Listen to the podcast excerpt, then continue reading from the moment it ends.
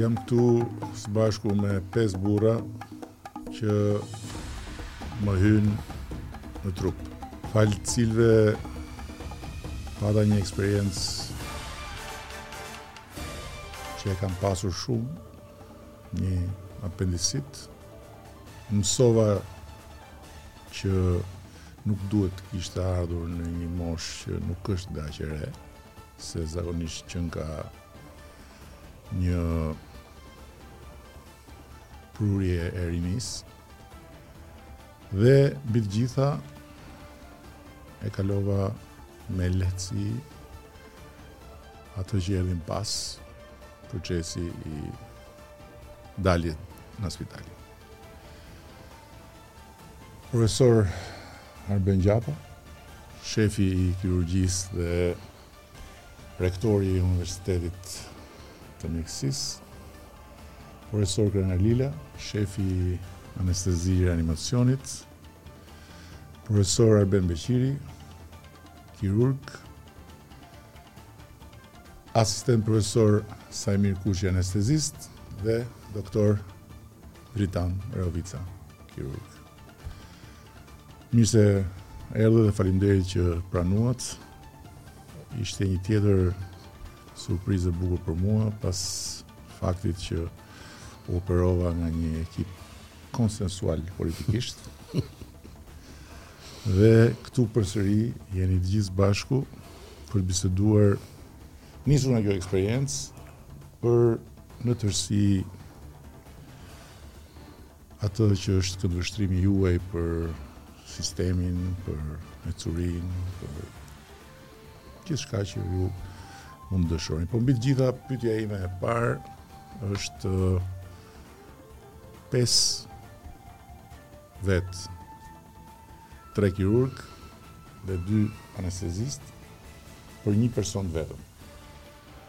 ishte një privilegj për pozicionin që unë kam, apo është një praktikë e cila është e ngjashme edhe për njerëzit e zakonshëm. Fakt, unë para se të filloja do doja t'ju bëja një dhuratë, kjo është një çip që është video e gjithë operacionit që është bërë. Me thënë të drejtën, unë un, pashë vetëm një moment nga skaneri, mua më pëlqejnë shumë ato skanerat, se janë si vepër arti. Po kur më thatë që kjo këtu është apendisiti, më dukej gjë aq e shëmtuar. Nuk, kjo është më e bukur se skaneri, kështu që... Po ai është edhe më i shëmtuar këtu, se është edhe se është edhe më i është edituar. Po në fakt Është standart, nuk është se u bë një privilegj, standart është. Se gjithmonë ka 3 kirurgë. Në operacione përgjithësisht janë 3 kirurgë dhe 2 anestezistë. Sidomos në operacionet e shkallës së mesme dhe të lartë të vështirësisë. Në apendisit mund të jenë dhe dy kirurgë dhe dy anestezistë, ne meqenëse kjo ishte me laparoskopi, ne menduam që të ishin tre kirurgë dhe dy anestezistë dhe është jemi brënda standarteve, nuk kemi bërë asnjë gjë të veçantë. Faktikisht ekipi ishte i përzgjedhur i përgatitur që përpara, në mënyrë që ne të kishim mundësi t'ju ofronim ndihmën më të mirë të mundshme dhe asistencën mjekësore më të mirë të mundshme. A e konfirmon Profesor Arbeni këtë normalitet? Në ditët e zakonshme, në fakt në punën tonë ne jemi jo dy, tre, pesë, jemi nëntë, dhjetë kirurgë, ndërsa ekipet e urgjencës përbëhen nga pesë, zakonisht mjeku primar, asistentët, dy anestezistët. Kjo është rutinë në ditët e urgjencës edhe në, në shërbimet e urgjencës. E vërteta është që sëmundjet që dëmtojnë në fakt, siç e përshkruat, apendiksi është i keq apo çdo smundje është e keqe dhe sëmundjet që dëmtojnë kërkojnë trajtime që dëmtojnë më pak. Në fakt ky është edhe qëllimi i laparaskopisë. Qëllimi i laparaskopisë është pikërisht që përmes metodave moderne të mund të dëmtojmë sa më pak pacientët. Për ne tashmë është një rutinë. Mbi vetëm ekipi jonë ka bërë mbi 15000 operacione me laparoskopi dhe me shumë e shumë ndërhyrje të tjera që nëse do kishim kohë të tregonim një histori të shkurtër do të mund ta bënim. E vërteta është që për ne ë smundjet janë të ndryshme, por pacientët janë njësoj. Janë njësoj në aspektin e përgjigjes tonë ndaj ndaj trajtimit të tyre. E them këtë me bindje të sigurt për të mos lënë asnjë hije dyshimi edhe për prezencën time duke dashur t'ju falënderoj për besimin në sensin e asaj që dikush ne trajtojmë pacientë të ndryshëm nga të gjitha shtresat e shoqërisë. Sot shoqëria është diferencuar mirë edhe është e qartë kjo. Por për dikënd që ka disa zgjedhje, dhe jam i sigurt, duke mos e tepruar, për një kryeministër mund të kishte zgjedhje të shumta në sistemin privat, mund të kishte zgjedhje të shumta ndoshta jashtë Shqipërisë, ndoshta një profesor i huaj në Shqipëri, gjëra që kanë ndodhur përpara, gjëra që aplikohen edhe sot, jo vetëm në Shqipëri edhe në vende të tjera. Fakti që ju zgjodhët sistemin publik shqiptar dhe që ndër të tjera zgjodhët që një kirurg që përfaqëson edhe një forcë tjetër politike në konkurrencë me tuajën ishte kirurgu operator tregon që në fakt kjo është një pjesë e emancipimit ose rritjes besimit. Dhe them që kjo është shumë e rëndësishme për të themi për për interesin publik. Besimi te sistemi publik është shumë i rëndësishëm për qytetarët tanë. Edhe them që përkundrejt të metave që do të vazhdojnë të jenë, sigurisht jam i bindur që edhe në shumë vende të tjera mjekët dhe pacientët kanë objeksionet e tyre. Prapë, mendoj që sëmundjet, sidomos sëmundjet e rrezikshme, kërkojnë trajtime sa më të lehta për pacientët që të mund t'i tejkalojnë ato. Profesor, nuk është se unë ju zgjodha në fakt. Ju urdhëruan. Unë isha unë isha shtrirë kur profesor Gjata erdhi dhe tha, kemi me vete dhe një ish ministër të shëndetësisë. Okej, okej. Unë thashë, so, nga qof, nga ndok. Exact. Dhe pastaj pashë ju. Okej. Dhe për hir të vërtetës, për arsye të shefes time të kabinetit, që me sa kam mësuar ju njeh prej shumë kohësh edhe që nga koha e studimeve në base, Dhe flet me një respekt të jashtëzakonshëm. Kur bëhej ajo qeveria që unë në fakt nuk mora pjesë në asnjë mbledhje dhe s'jemi takuar asnjëherë si kryeministër dhe ministër. Tha, po të paktën tha një profesionist i lartë i hajrit. Kështu që e para. E dyta, Tani juve mund t'ju akuzojnë për çdo gjë, po nuk ka zot t'ju akuzojë për patronazhist. Prandaj unë mund ta sjell këtu atë që ju më thatë dhe në fakt më ka bërë shumë përshtypje dhe edhe më ka përkëdhel sedrën pak, po edhe më ka prekur në një sens më të gjerë.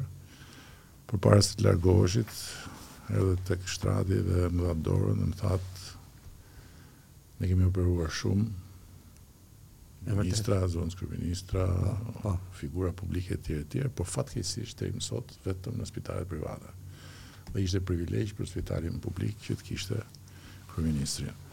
Natyrisht që po ta kishte thënë Patronazhisti, nuk do kisha guxu me e sjell këtu në me zë dhe me figurë se do hante dynjanë familjarisht, por uh, uh, e solla këtu për të thënë që diçka.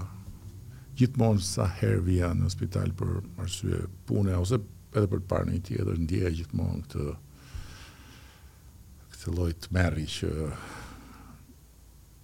mbetej si të thuash spitali i atyre që nuk kishin një mundësi të dytë për një kohë të gjatë. Ndërkohë që çka e bënte tmerrin të plotë ishte se ata që operojnë operacionet deri dhe më të vështirat në strukturat private jeni po ju, kurse e vinë nga dhe gjithmonë thosha në rast se uh, ka një gjë që do më japi satisfaksion Do jetë që po të kem nevojë unë ose familja ime, të vijë dita që të jem në gjendje të ofroj pikërisht këtë gjë, për rolin që kam, që spitali publik Dhe për hir të vërtetës, unë sot besoj, tani mund mund dhe mos jem i saktë, sepse me thënë drejtën në spitale private këtu Nuk para kam qenë dhe nuk mund të bëj atë krahasimin e plotë, po besoj që në QSUT dhe në shumë spitale të tjera që janë futur në këto standarde, nuk ka asnjë lloj diskutimi ka avantazh ndaj strukturave private. Ky është opinioni im, mbase nuk jam plotësisht i saktë. Po, po. Jo, disha për këtë ndihmë me këto në fakt standardet që ne kemi aktualisht janë standarde nga më të mirat që ekzistojnë jo vetëm në në në Shqipëri, por janë nga standardet më të larta në rajon. Dhe standarde shumë të larta në nivel në nivel të gjithë botës, pra nuk ka asnjë ndryshim, ne kemi pasur jo më pak se para disa muajsh një mikun tonë amerikan i cili ka ardhur në Shqipëri që nga 91-shi, që është Mark Johnsoni, po, i cili ka qenë uh, shef i gastroenterologjisë të spitalit uh, te Navy Hospital të Bethesdës në New York, në Washington, aty ku operon presidenti i Amerikës, edhe që ka qenë gastroenterologu personal i Bill Clintonit edhe George W. Bushit. Dhe mbasi e çova për të parë se ai kishte qenë ke spitali i vjetër për të parë spitalin e ri, dhe jam shumë i emocionuar të se mbaj mend atë spitalin e vjetër që në 91-shin gjëmonim dhe minjtë me fshesë. për të nxjerrë nga pavioni. Dhe kur hyri në sallë, tha në fakt, tha tani Tonë s'di çfarë them, tha po ta them dhe me zë të ulët, tha që standardet i keni njësoj, se kishte edhe kolegë të tjerë amerikanë. Standardet i keni njësoj, tha siç janë në Bethesda, për standardet e sallës, standardet e reanimacionit, janë në, në kushtet më optimale të mundshme. Ne shpresojmë që në të ardhmen, ne po ia kërkojmë dhe kështu, kemi biseduar dhe ministrën që të mundemi të fusim dhe robotikën në kirurgjinë, në kirurgjinë e përgjithshme dhe në, në kirurgjinë urologjike, ndoshta për një vit, një vit e gjysmë, diçka e tillë, që do ishte një, një sukses shumë i madh për kirurgjinë shqiptare. Dhe kjo do na çojë te gjithmonë më shumë faktikisht kjo lloj kirurgjie, kirurgjia laparoskopike dhe kushtet, sepse ne kur hymë aty patëm një një problem, me thënë drejtën. Ne vinim nga një Pavion që kishte tre salla operacioni, kishte edhe 55 deri në 60 shtretër, 55 kishte me letra, po 60 i bënim se i merrshim borxh ndonjë shtrat. Dhe për i ul hymë në një pavion që kishte dy salla operacioni dhe dhe 28 30 shtretër operatorë. Dhe mendonim si do ia dalim faktikisht, sepse ishte gjithë e madhe, është ka qenë gjithmonë Klinika që ka pasur numrin më të madh të operacioneve që bëhen në Shqipëri nga gjithë, nuk krahasohet as me spitalet e tjera publike, as me spitalet private. Dhe faktikisht, falë teknologjisë të re, ambienteve shumë më të mira që pacientët dalin shumë më shpejt, ne vjet kemi, në vitin dy mijë e njëzet e dy, kemi arritur rekordin historik të interventeve të kryera, pra kemi bërë rreth dy mijë e tetëqind operacione për brenda vitit dhe ndërkohë është futur dhe procedura e re që është ERCP-ja që është hapja, lirimi i rrugëve të tëmthit nga gurët ose nga tumorët, të cilët ishin gjithë pacientë që operoheshin dhe që tani rrinë njëzet e katër, dyzet e tetë orë në spital dhe dalin në shtëpi dhe nuk është me ndërhyrje fare operatore është vetëm me fibroskopi Dhe numri i tyre ishte rreth dyqind e tetëdhjetë e pesë. Dhe duke llogaritur të paktën që një kosto e kësaj procedure kur bëhej në privat mesatare ishte rreth dy mijë euro, nëse do shumëzojmë dyqind e tetëdhjetë e pesë me dy mijë, janë rreth pesëqind mijë euro që u janë kursyer qytetarëve shqiptarë vetëm vitin vetëm vitin e fundit. Pra, është me gjithmonë dhe është bërë një një hap shumë i madh dhe ajo që është tjetër shumë e rëndësishme besoj është që ky spital është inauguruar pak para se të fillonte Covidi. Ju keni qenë në inaugurim kur profesor Besimi se ne kemi pas një fat shumë të madh, kemi pas profesorë shumë të mirë. Dhe që tha që unë s'e kam parë as në ëndrrat më të bukura të miat, dhe faktikisht një nga gjërat që ne kemi arritur të bëjmë mbas 3 vjetëve është që duket sikur godina është inauguruar pra ishte inauguruar dje, pra ishte inauguruar bile një pjesë mendoni që ishte ke spitali i ri, ishte vend i operacionit, nuk e dini që ishte ato salla që ishin inauguruar që pra jo, aty ishte ishte një eksperiencë vërtet shumë interesante ta shikoje jo më nga sytë me sytë e atij që vjen për ta parë për inspektim inaugurime ku di unë po për ta pa me sytë e atij që është pacient dhe tashi pret aty që të ketë më të mirën dhe po dhe po me po i drejtohem profesor Krenarit sepse ana tjetër e medaljes së një procedure të tillë është anestezia nuk diskutohet pa anestezinë kirurgët janë me duart lart uh, dhe desha të bëj një pyetje që ka të bëjë përsëri me standardet. Se dakord, të gjitha këto janë ashtu siç i tha profesor Gjata dhe kanë të bëjnë me investimet në infrastrukturë. Por nga ana tjetër është standardi i shërbimit të njerëzve dhe mua më ka bërë një përshtypje të jashtëzakonshme uh, stafi juaj i infermierëve, infermiereve.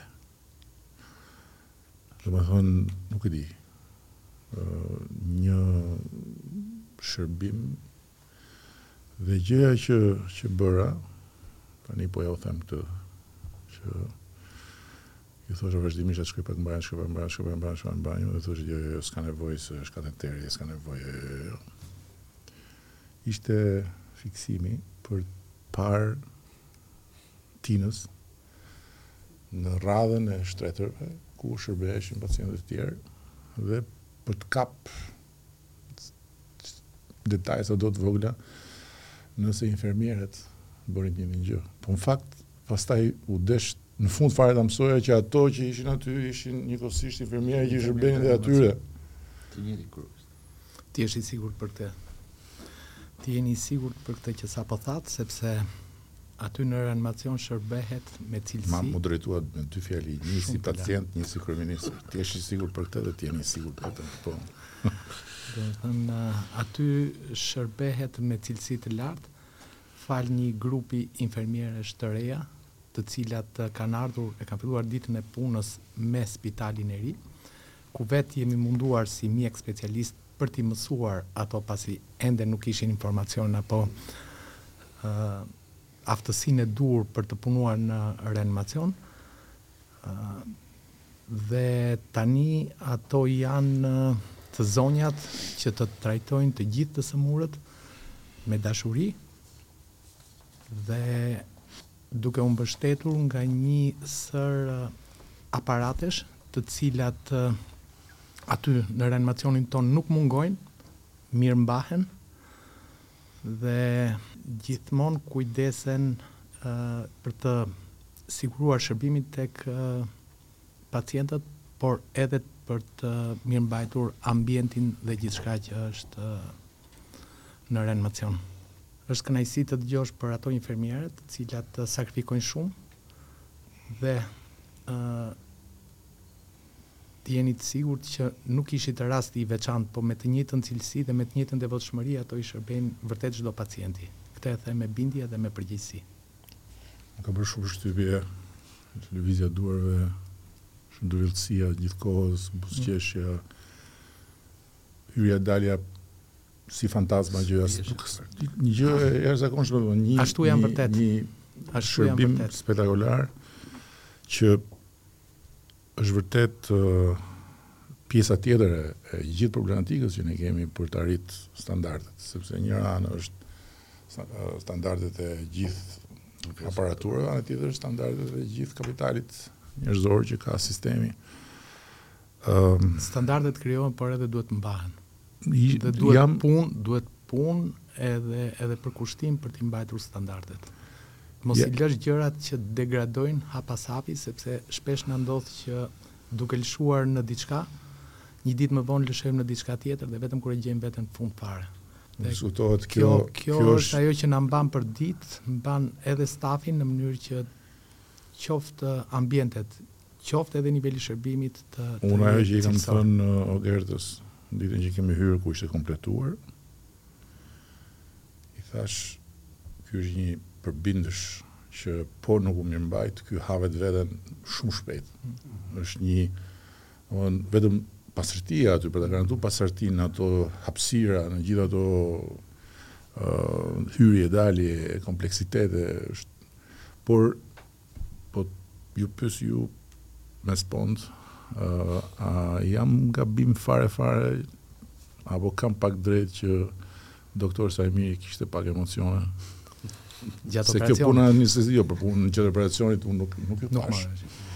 Nuk ju pashë. Por roli roli juaj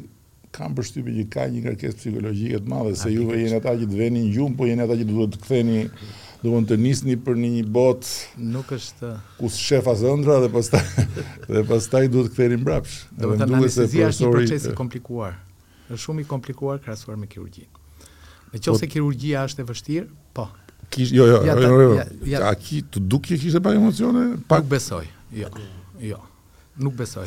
Atëherë. Mirë, pra, siklet, ja, qun siklet, dakor. Të të sqaroj gjithçka. Në momentin që morëm vesh që që morëm informacionin që ishit me apendicit, sigurisht u stresuam pak sepse kirurgjia apo mjekësia në përgjithësi nuk është shkencë ekzakte. Përgjegjësia ishte e madhe dhe dhe subjekti ishte i vështirë. Subjekti ka të bëjë shumë. Po pse ishte i vështirë unë solla po, normalisht jo, kam përshtypjen. Po jo, përveç përgjegjësisë subjekti, po është ndryshe në anestezi të menaxhosh një njeri me peshë normale ah, dhe ndryshe okay, ah, një ah, okay, një subjekt, një pacient, një 98 224 kg. 100 200 124 kg. Qa qa, më i madhi kuajve për të shtri për to, patjetër. Kështu që uh, ishte vështirë. Ne ndërtuam me Saimirin së bashku një plan anestetik. Fatmirësisht u shfaqët në ekran disa ditë ose të gjitha ditët uh, kur ne prisnim që të vinte puna deri në operacion dhe sa herë shihja në ekran Mendoja si do ta manaxhojmë këtë njeri. Megjithatë, prapë njeri jemi, qenie humane, kështu që ne ë jemi të aftë që të manaxhojmë edhe qenie humane të një rëndësie të tillë, peshe të tillë, Dhe... Më... më... më vënun. ja. Aspak. Më mbajtë një çikë. Aspak. Dhe, dhe ndërtuam, ndërtuam një plan, ndërtuam një plan anestetik që nuk ishte, nuk ishte e lehtë, domethënë. Në qoftë se ka kirurgji të vështirë, ka dhe anestezi të vështirë. Por, në qoftë se ka kirurgji të lehtë, jo domosdoshmërisht, anestezia është e lehtë. Anestezia është një proces i cili do të kryhet brenda disa minutave, ku ti ke të gjithë parametrat jetësorë në dorë dhe duhet të marrësh në dorë situatën dhe nuk duhet të duhet të shmangësh çdo komplikacion të mundshëm i cili në këto momente mund të jetë edhe fatal. Kështu që me Saimirin ndërtuam një plan anestetik që përpara disa ditësh. Sigurisht kur u paraqitët në spital, emocionet ishin vetëm minutat e para, pastaj ato ranë fare dhe ju u shndërruat në një pacient të zakonshëm. në momentin e intubimit nuk kishim fare emocion. Le të flasë sa mirë se sa mirë, sa mirë se nuk është s'është e zakonshme që pacienti të jetë kryeministri. Ja. Me thënë të drejtën kishim siklet, por sikleti, siç tha dhe profesor Krenari, na iku në momentin kur ne krijuam një kontakt. Ne i morëm masat, siç tha dhe profesor Krenari, se duhet të shmangim atë që quhet sindromi i mikut dhe sindromi i personit VIP. Tek personat që ti mendon që duhet të ecin sa më mirë aty të ndodh komplikacioni. Por me thënë të drejtën ishte nuk dua ta them që ishte pacient i mbarë.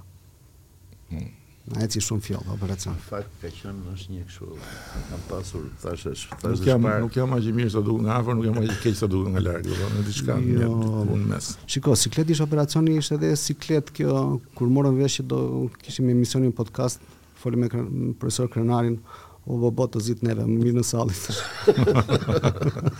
jo, më me se së soli një më zonë. Jo, jo, jo, jo. Bile, bile vari më tha, po pse s'bën një podcast me këta? Jo, thashë ore vijnë këta? Ideja se nuk kemi... Edhe më tha i fol në telefon, dhe Kështu që nuk është është problemi jonë se nuk jemi njerëz që mund të dalim shumë në publik. Është problemi jonë. Kjo është e vërtetë, por arsyeja kryesore që më ka shtyrë mua të bëj këtë Podcastin është pikërisht që të krijohet mundësia që njerëzit të komunikojnë ndryshe nga ç'komunikohet dhe kur del në televizor, dhe ata që ndjekin të shofin që nuk është jeta ajo që shihet e interpretuar nga filtrat e televizorëve, nga filtrat e tensioneve, emocioneve, streseve, zakoneve të këqija etj etj. Dhe mbi të gjitha, mbi të gjitha është e vërtetë kjo që mjekët pothuajse s'dalin fare gjëkundi. Dhe për shkak të një kulture, të një inercie, të një ë uh, si të thuash zakoni të krijuar janë bërë target Dhe madje madje unë ndjej solidaritet shumë të fortë me mjekët dhe me infermierët pikërisht sepse më duket sikur jemi në një varkë ku të gjithë politikanët janë hajdutë, të gjithë mjekët janë hajdutë, të gjithë vjedhin, të gjithë gjithë gjithë tash që ka që abuzojnë as nuk diskutohet. Madje unë them, unë them më shumë në anën e politikës se sa në anën e mjekësisë. Që do të thotë marzhi është komplet tjetër, por kjo vjen edhe si rezultat i faktit që shumëkush flet për spitalet, flet për mjekët pa shkuar në spital dhe pa kaluar nga eksperienca. Ata që i kalojnë eksperienca direkte kanë tjetër, unë unë Kam shumë raste që më shkruajnë dhe më thonë, wow, ishim te Nën Tereza, wow, as se kemi prit kurrë, wow, si na kanë trajtuar, wow, wow, wow. Mirëpo, ku ku del kjo? Këtë as në media nuk e dëgjon.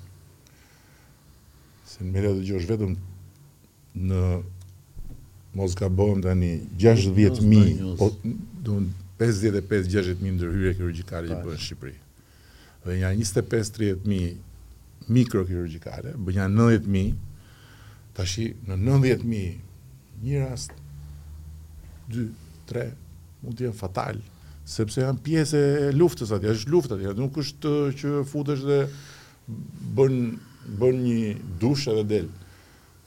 Bëhet lajm, bëhet na, bëhet nami.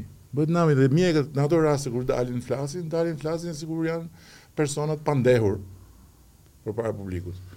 Kështu që në këtë aspekt unë ndihem shumë solidar dhe uh, ky është kjo është një mundësi që për për edhe për t'u parë dhe uh, për të na parë në kuptimin në rastin tuaj si Si mjek, që është një fushë e jetës së vendit ku bëhet një betejë e përditshme për të mbrojtë shëndetin e njerëzve dhe ku gjith, po, po ecën gjithmonë e më mirë gjëja sepse mjekët po pajisen me me armë, me instrumenta, me me mundësi, me kushte sepse po, kur kur t'i gjëmoje miut me fshes.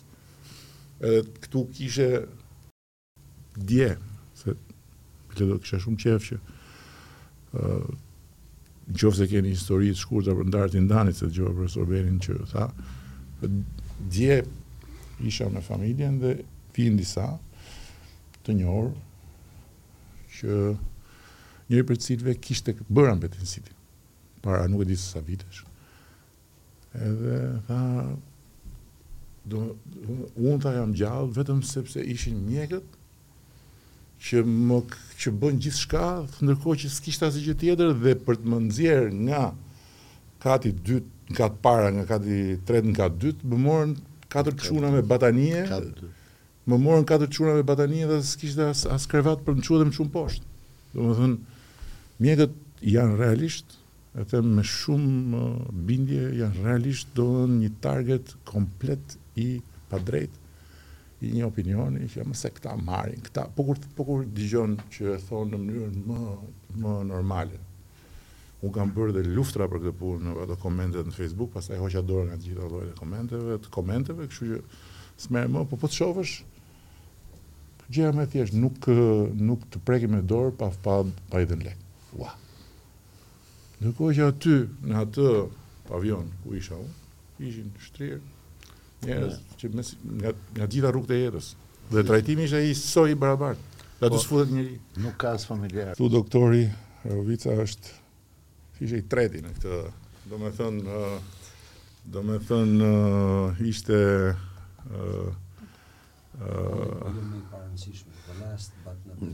Po ishte Messi, Mbappéja, ti ishe Neymari rastit. Tani por ndërkohë dy shefa këtu dy profesora ti aty si çfarë po ti çfarë bëre me çfarë u more? Me gjëra të vogla. Për të ndihmuar profesorët. Cila është puna e kirurgut të tretë aty? Sigurisht ndihmon për për të bërë sa më sa më funksional operacionin. Ndihmon mund të mbash ndonjë instrument. Sa të mbash kamerën siç duhet, nuk punon dot.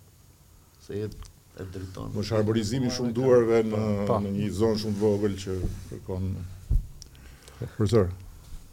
Secili prej nesh ka një një histori në këtë në këtë zhvillim të kirurgjisë tonë, kupton sepse është një histori 30 vjeçare. ë kur filloi kirurgjia laparoskopike për për për ta qartësuar për për, për në në fundin e po në fundin e viteve 80 fakt. Jo, unë isha unë isha por, por isha student në mjekësi dhe s'e imagjinosha që do të mund të realizohej kjo gjë. Në fakt në atë kohë as nuk e dija, nuk kishte ardhur lajmi, s'ishte interneti, s'ishin, s'kishte ardhur, s'kishte mbërritur lajmi. Por për çudinë tonë në vitin 92 Një nantë e dy një ekip Kalzoj, një ekip amerikan na bjen një kasetë me një televizor të vogël dhe na vë një një kolecistektomi me laparoskopi që me thënë të drejtën ishte, ishte e mahnitshme. Ishte e jashtëzakonshme, e jashtëzakonshme. Si bile tash për tash po e sjell në këtë moment. Më ka ba përshtypje sa kur më ka marrë im atë për doret me pa njerinë e parë në Hanë. Domethënë aq s'e kam harru kurrë që atëherë, kam qenë shumë i vogël, tre katër vjeç, ekzaktësisht ajo histori, ajo ajo, ajo përshtypje na bani. Po prap nuk e mendonim që do të ishte kështu, po ishte dashuri me shikimin e parë kështu, për shumicën prej nesh edhe ishte vendim, do ta bëjmë këtë gjë edhe s'ka.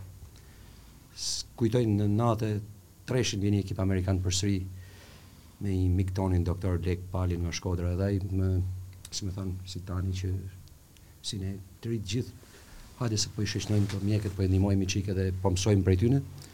Shoqnova në Shkodër edhe në në, në Tiranë dhe ato më premtuan që do të më merrshin në Amerikë. Në 94-ën kisha fatin me punu me me, me mjekë shumë të mirë atje të kirurgjisë laparoskopike, John Schramm e të tjerë.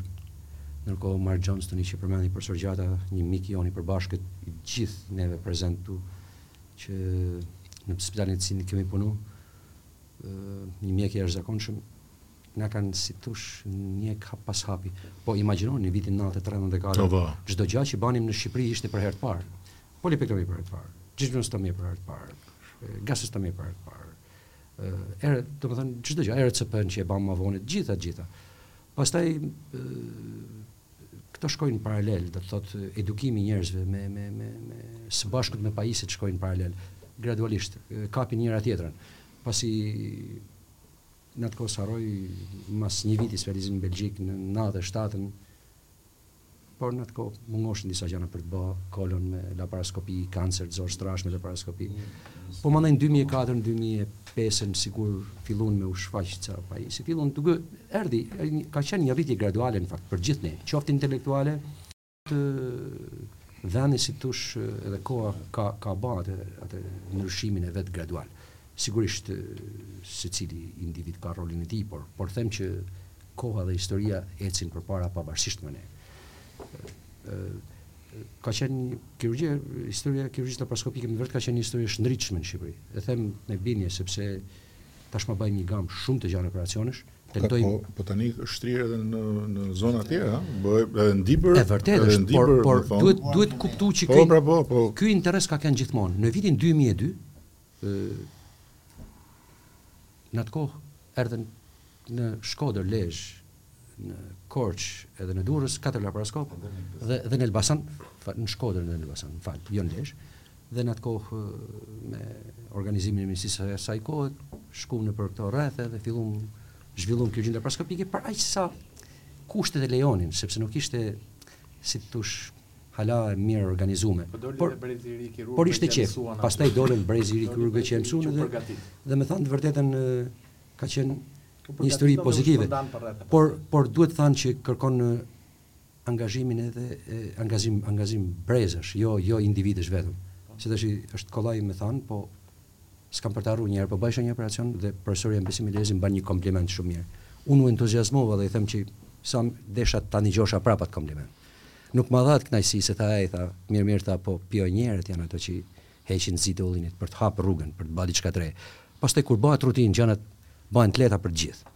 Edhe, edhe, edhe historia kështu ka qenë në fakt. Për ne ka qenë pastaj duke u ba ma e lehtë se sa, se sa për ato që kanë qenë krejt në fillimet e tyne.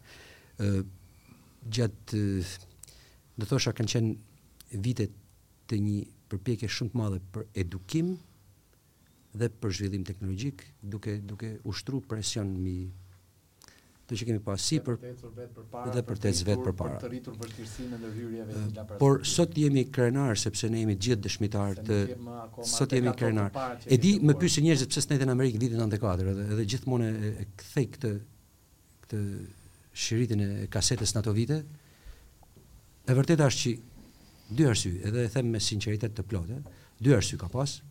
Arsyeja e parë njëherë ka qenë optimizmi i madh i asaj kohe, sepse Po, në një transformim i shpejtë. E kishim marrë me hov, pra, ekzakt. Edhe edhe edhe seriozisht që edhe seriozisht që kishte optimizëm në vitet 94 që do të ndryshonte shpejt sistemi etj etj. Më vjen mirë që realisht e them, që jo, jo, e gjen të vërtetë që është pas, shumë shumë dhe pastaj dhe pastaj dhe e dyta dhe e dyta ishte që dëshirosha t'imitosha çdo gjë që bëte kolegu im kirurgu themi profesori John Shrem në atë kohë. Endoskopi terapeutike, laparoskopi, edhe thosha në Shqipëri do kem më mundësi me me zhvillu këtë gjë. Në Shqipëri do ta kenë më të hapur hapësirën për ta zhvilluar këtë gjë. Unë them që ka lidhje, ka lidhje shumë kjo me atë që tha profesor Gjata në një moment që ka pas një një bazë profesorësh edhe edhe dije këtu mjekësia që ne rrimë shpatulla gjigantësh në fakt është trashëgu brez pas brezi dhe pavarësisht se nuk ka qenë mbështetur nga armët e, e si mhm. tush infrastrukturës, mhm. logjistikës e tjere tjere, filli i, i ruajtjes dhe i zhvillimit kapitalit njerëzor, ka, i ka rezistu gjithë dallgëve, vështirësive, boshllëqeve tjere tjere. Dhe gjëja që ka bërë dëmin më të madh, sipas me me analizën që bëjmë të paktën në këtë progres, në këtë progres të kapitalit njerëzor ka qenë mosshoqërimi me progresin në menaxhim. Në menaxhimin në ç'sens? Ëh, Për shembull, është e pakuptueshme, por është dhe shumë banale që shëndetësia për një kohë shumë të gjatë mbeti si si një si një sektor që jepej një partie të vogël. Pra domethënë partitë e mëdha lëshonin shëndetësinë tek partitë e vogla. Dhe ne e dimë shumë mirë natyrën e partive të vogla në Shqipëri. Partitë e vogla në Shqipëri janë partitë të cilat ushqehen duke thithur, duke thithur gjithë gjakun e uh, asaj pjese, asaj parcele të uh, punëve të shtetit që t'i lë. Po. E më kujtohet, më kujtohet një histori, se këtu besoj do solidarizohesh me mua. Shkoj në Vlorë, ishim, ne ishim në opozitë dhe shko, unë shkoja nëpër spitale për të bërë ato dialogjet me edhe përgjithësisht domethënë nuk është se gjeja rezistencë nga ana e si t'thush respektit komunikimit e tjerë tjerë. Edhe Në Vlorë ishte një profesor, nuk e kujtoj emrin, që që ishte i i partisë si t'thush demokratike atëherë, që ishte drejtor i Spitalit të Vlorës, një profesor. Pastaj edhe unë E pata taku në ato kushte, si drejtor. Edhe më pat bërë një pritje goxha të mirë, me thënë të drejtën. Burrë zotni, burrë zotni, nuk e kujtoj emrin. Mbas sa kohësh, unë e takoj, edhe unë kujtoj se ishte drejtori akoma. Edhe një moment të caktuar i them drejtor, nuk jam më drejtor, tha. Po pse i thashë, Tha, po, si të ta shpjegoj, tha, si të ta shpjegoj, tha, unë tha kisha afruar një, një, nga këta djemtë të rinj, tha, edhe i dhashë edhe një mundësi, tha, që ta afroj pranë meje, tha, si nëndrejtor, ku në si tha, Ky tha krijoi një celulë demokristiane dhe më morën dhe më morën dhe më morën drejtorinë. Është dakor, jam dakor. Jo, ç'ndodh? Jo, po sepse ju i lihej një ministrive ministri e kjo ministri dhe ka ndodhur me të dyja partitë e mëdha, se unë e, e, e, e kam parë gjithë historikun me të dyja partitë e mëdha, i shëndetësin Pa lëre aty. E kemi jetuar. E bi po kjo kjo ka lën ka kriju një gap, ka domethënë po të bësh një krahasim tash. Të të të merrje. Asnjëherë nuk është marr seriozisht. Të merrje kapacitetin e kapitalit njerëzor, që ne e kemi e kemi e kemi okay, jo? e kemi okay. Me çfarë ky kapital njerëzor në sistemin shëndetësor ka ka pas në dispozicion, është kështu, është Është është se këtu dhe dhe pikërisht për këtë arsye në radhën më të parë për këtë arsye. Megjithatë është e tejkalume, besoj, nuk besoj se do ketë më Se tani jemi parti, parti shtet tash se e ke vërshë, se tani s'ka nga këto. Po edhe më vonë kur të rivi pluralizmi, nuk, nuk besoj se do t'i lihet shëndetësia më dhe dhe dhe Inshallah edhe nëse do ketë parti të vogla në koalicione etj etj nuk do kenë këtë gjak gjakpirësinë.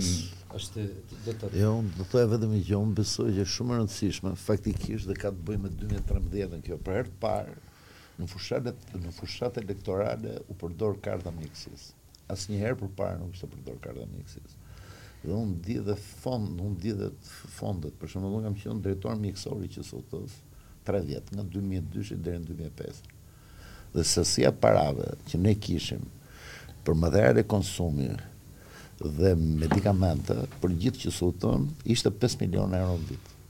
5 milionë euro në vit Nuk e di se si ja bënin, domethënë bënim një, mblidheshim në zyrë, merrsha Ilir Rorin dhe kur bënim listën e barnave që do blenim, blenim vetëm barnat bazike se nuk na arrinin paratë për të blerë. Sot është 40 e sa milion, pra ka qenë dhe shteti në momentet e caktuara ka pas më shumë para i ka vu në dispozicion.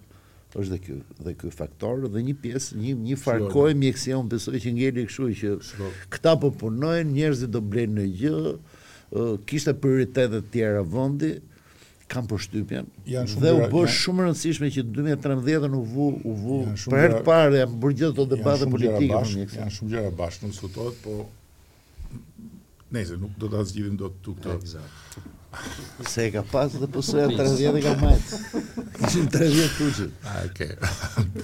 E di, sori se me dhjetë vjet që. Ajo, ajo që, që do t'ju, do t'ju falenderoj edhe një herë për ta mbyllur se ë është që edhe konsensusi që arritet për të më nxjerrë shpejt nga spitali se aty tash mund të ketë një përplasje për të më mbajt sa për të më mbajt më të bësh më nxjerr atje. Në fakt vendos për zhvillohet sa jo e ke parasysh. Të mbajt të përgjithësi.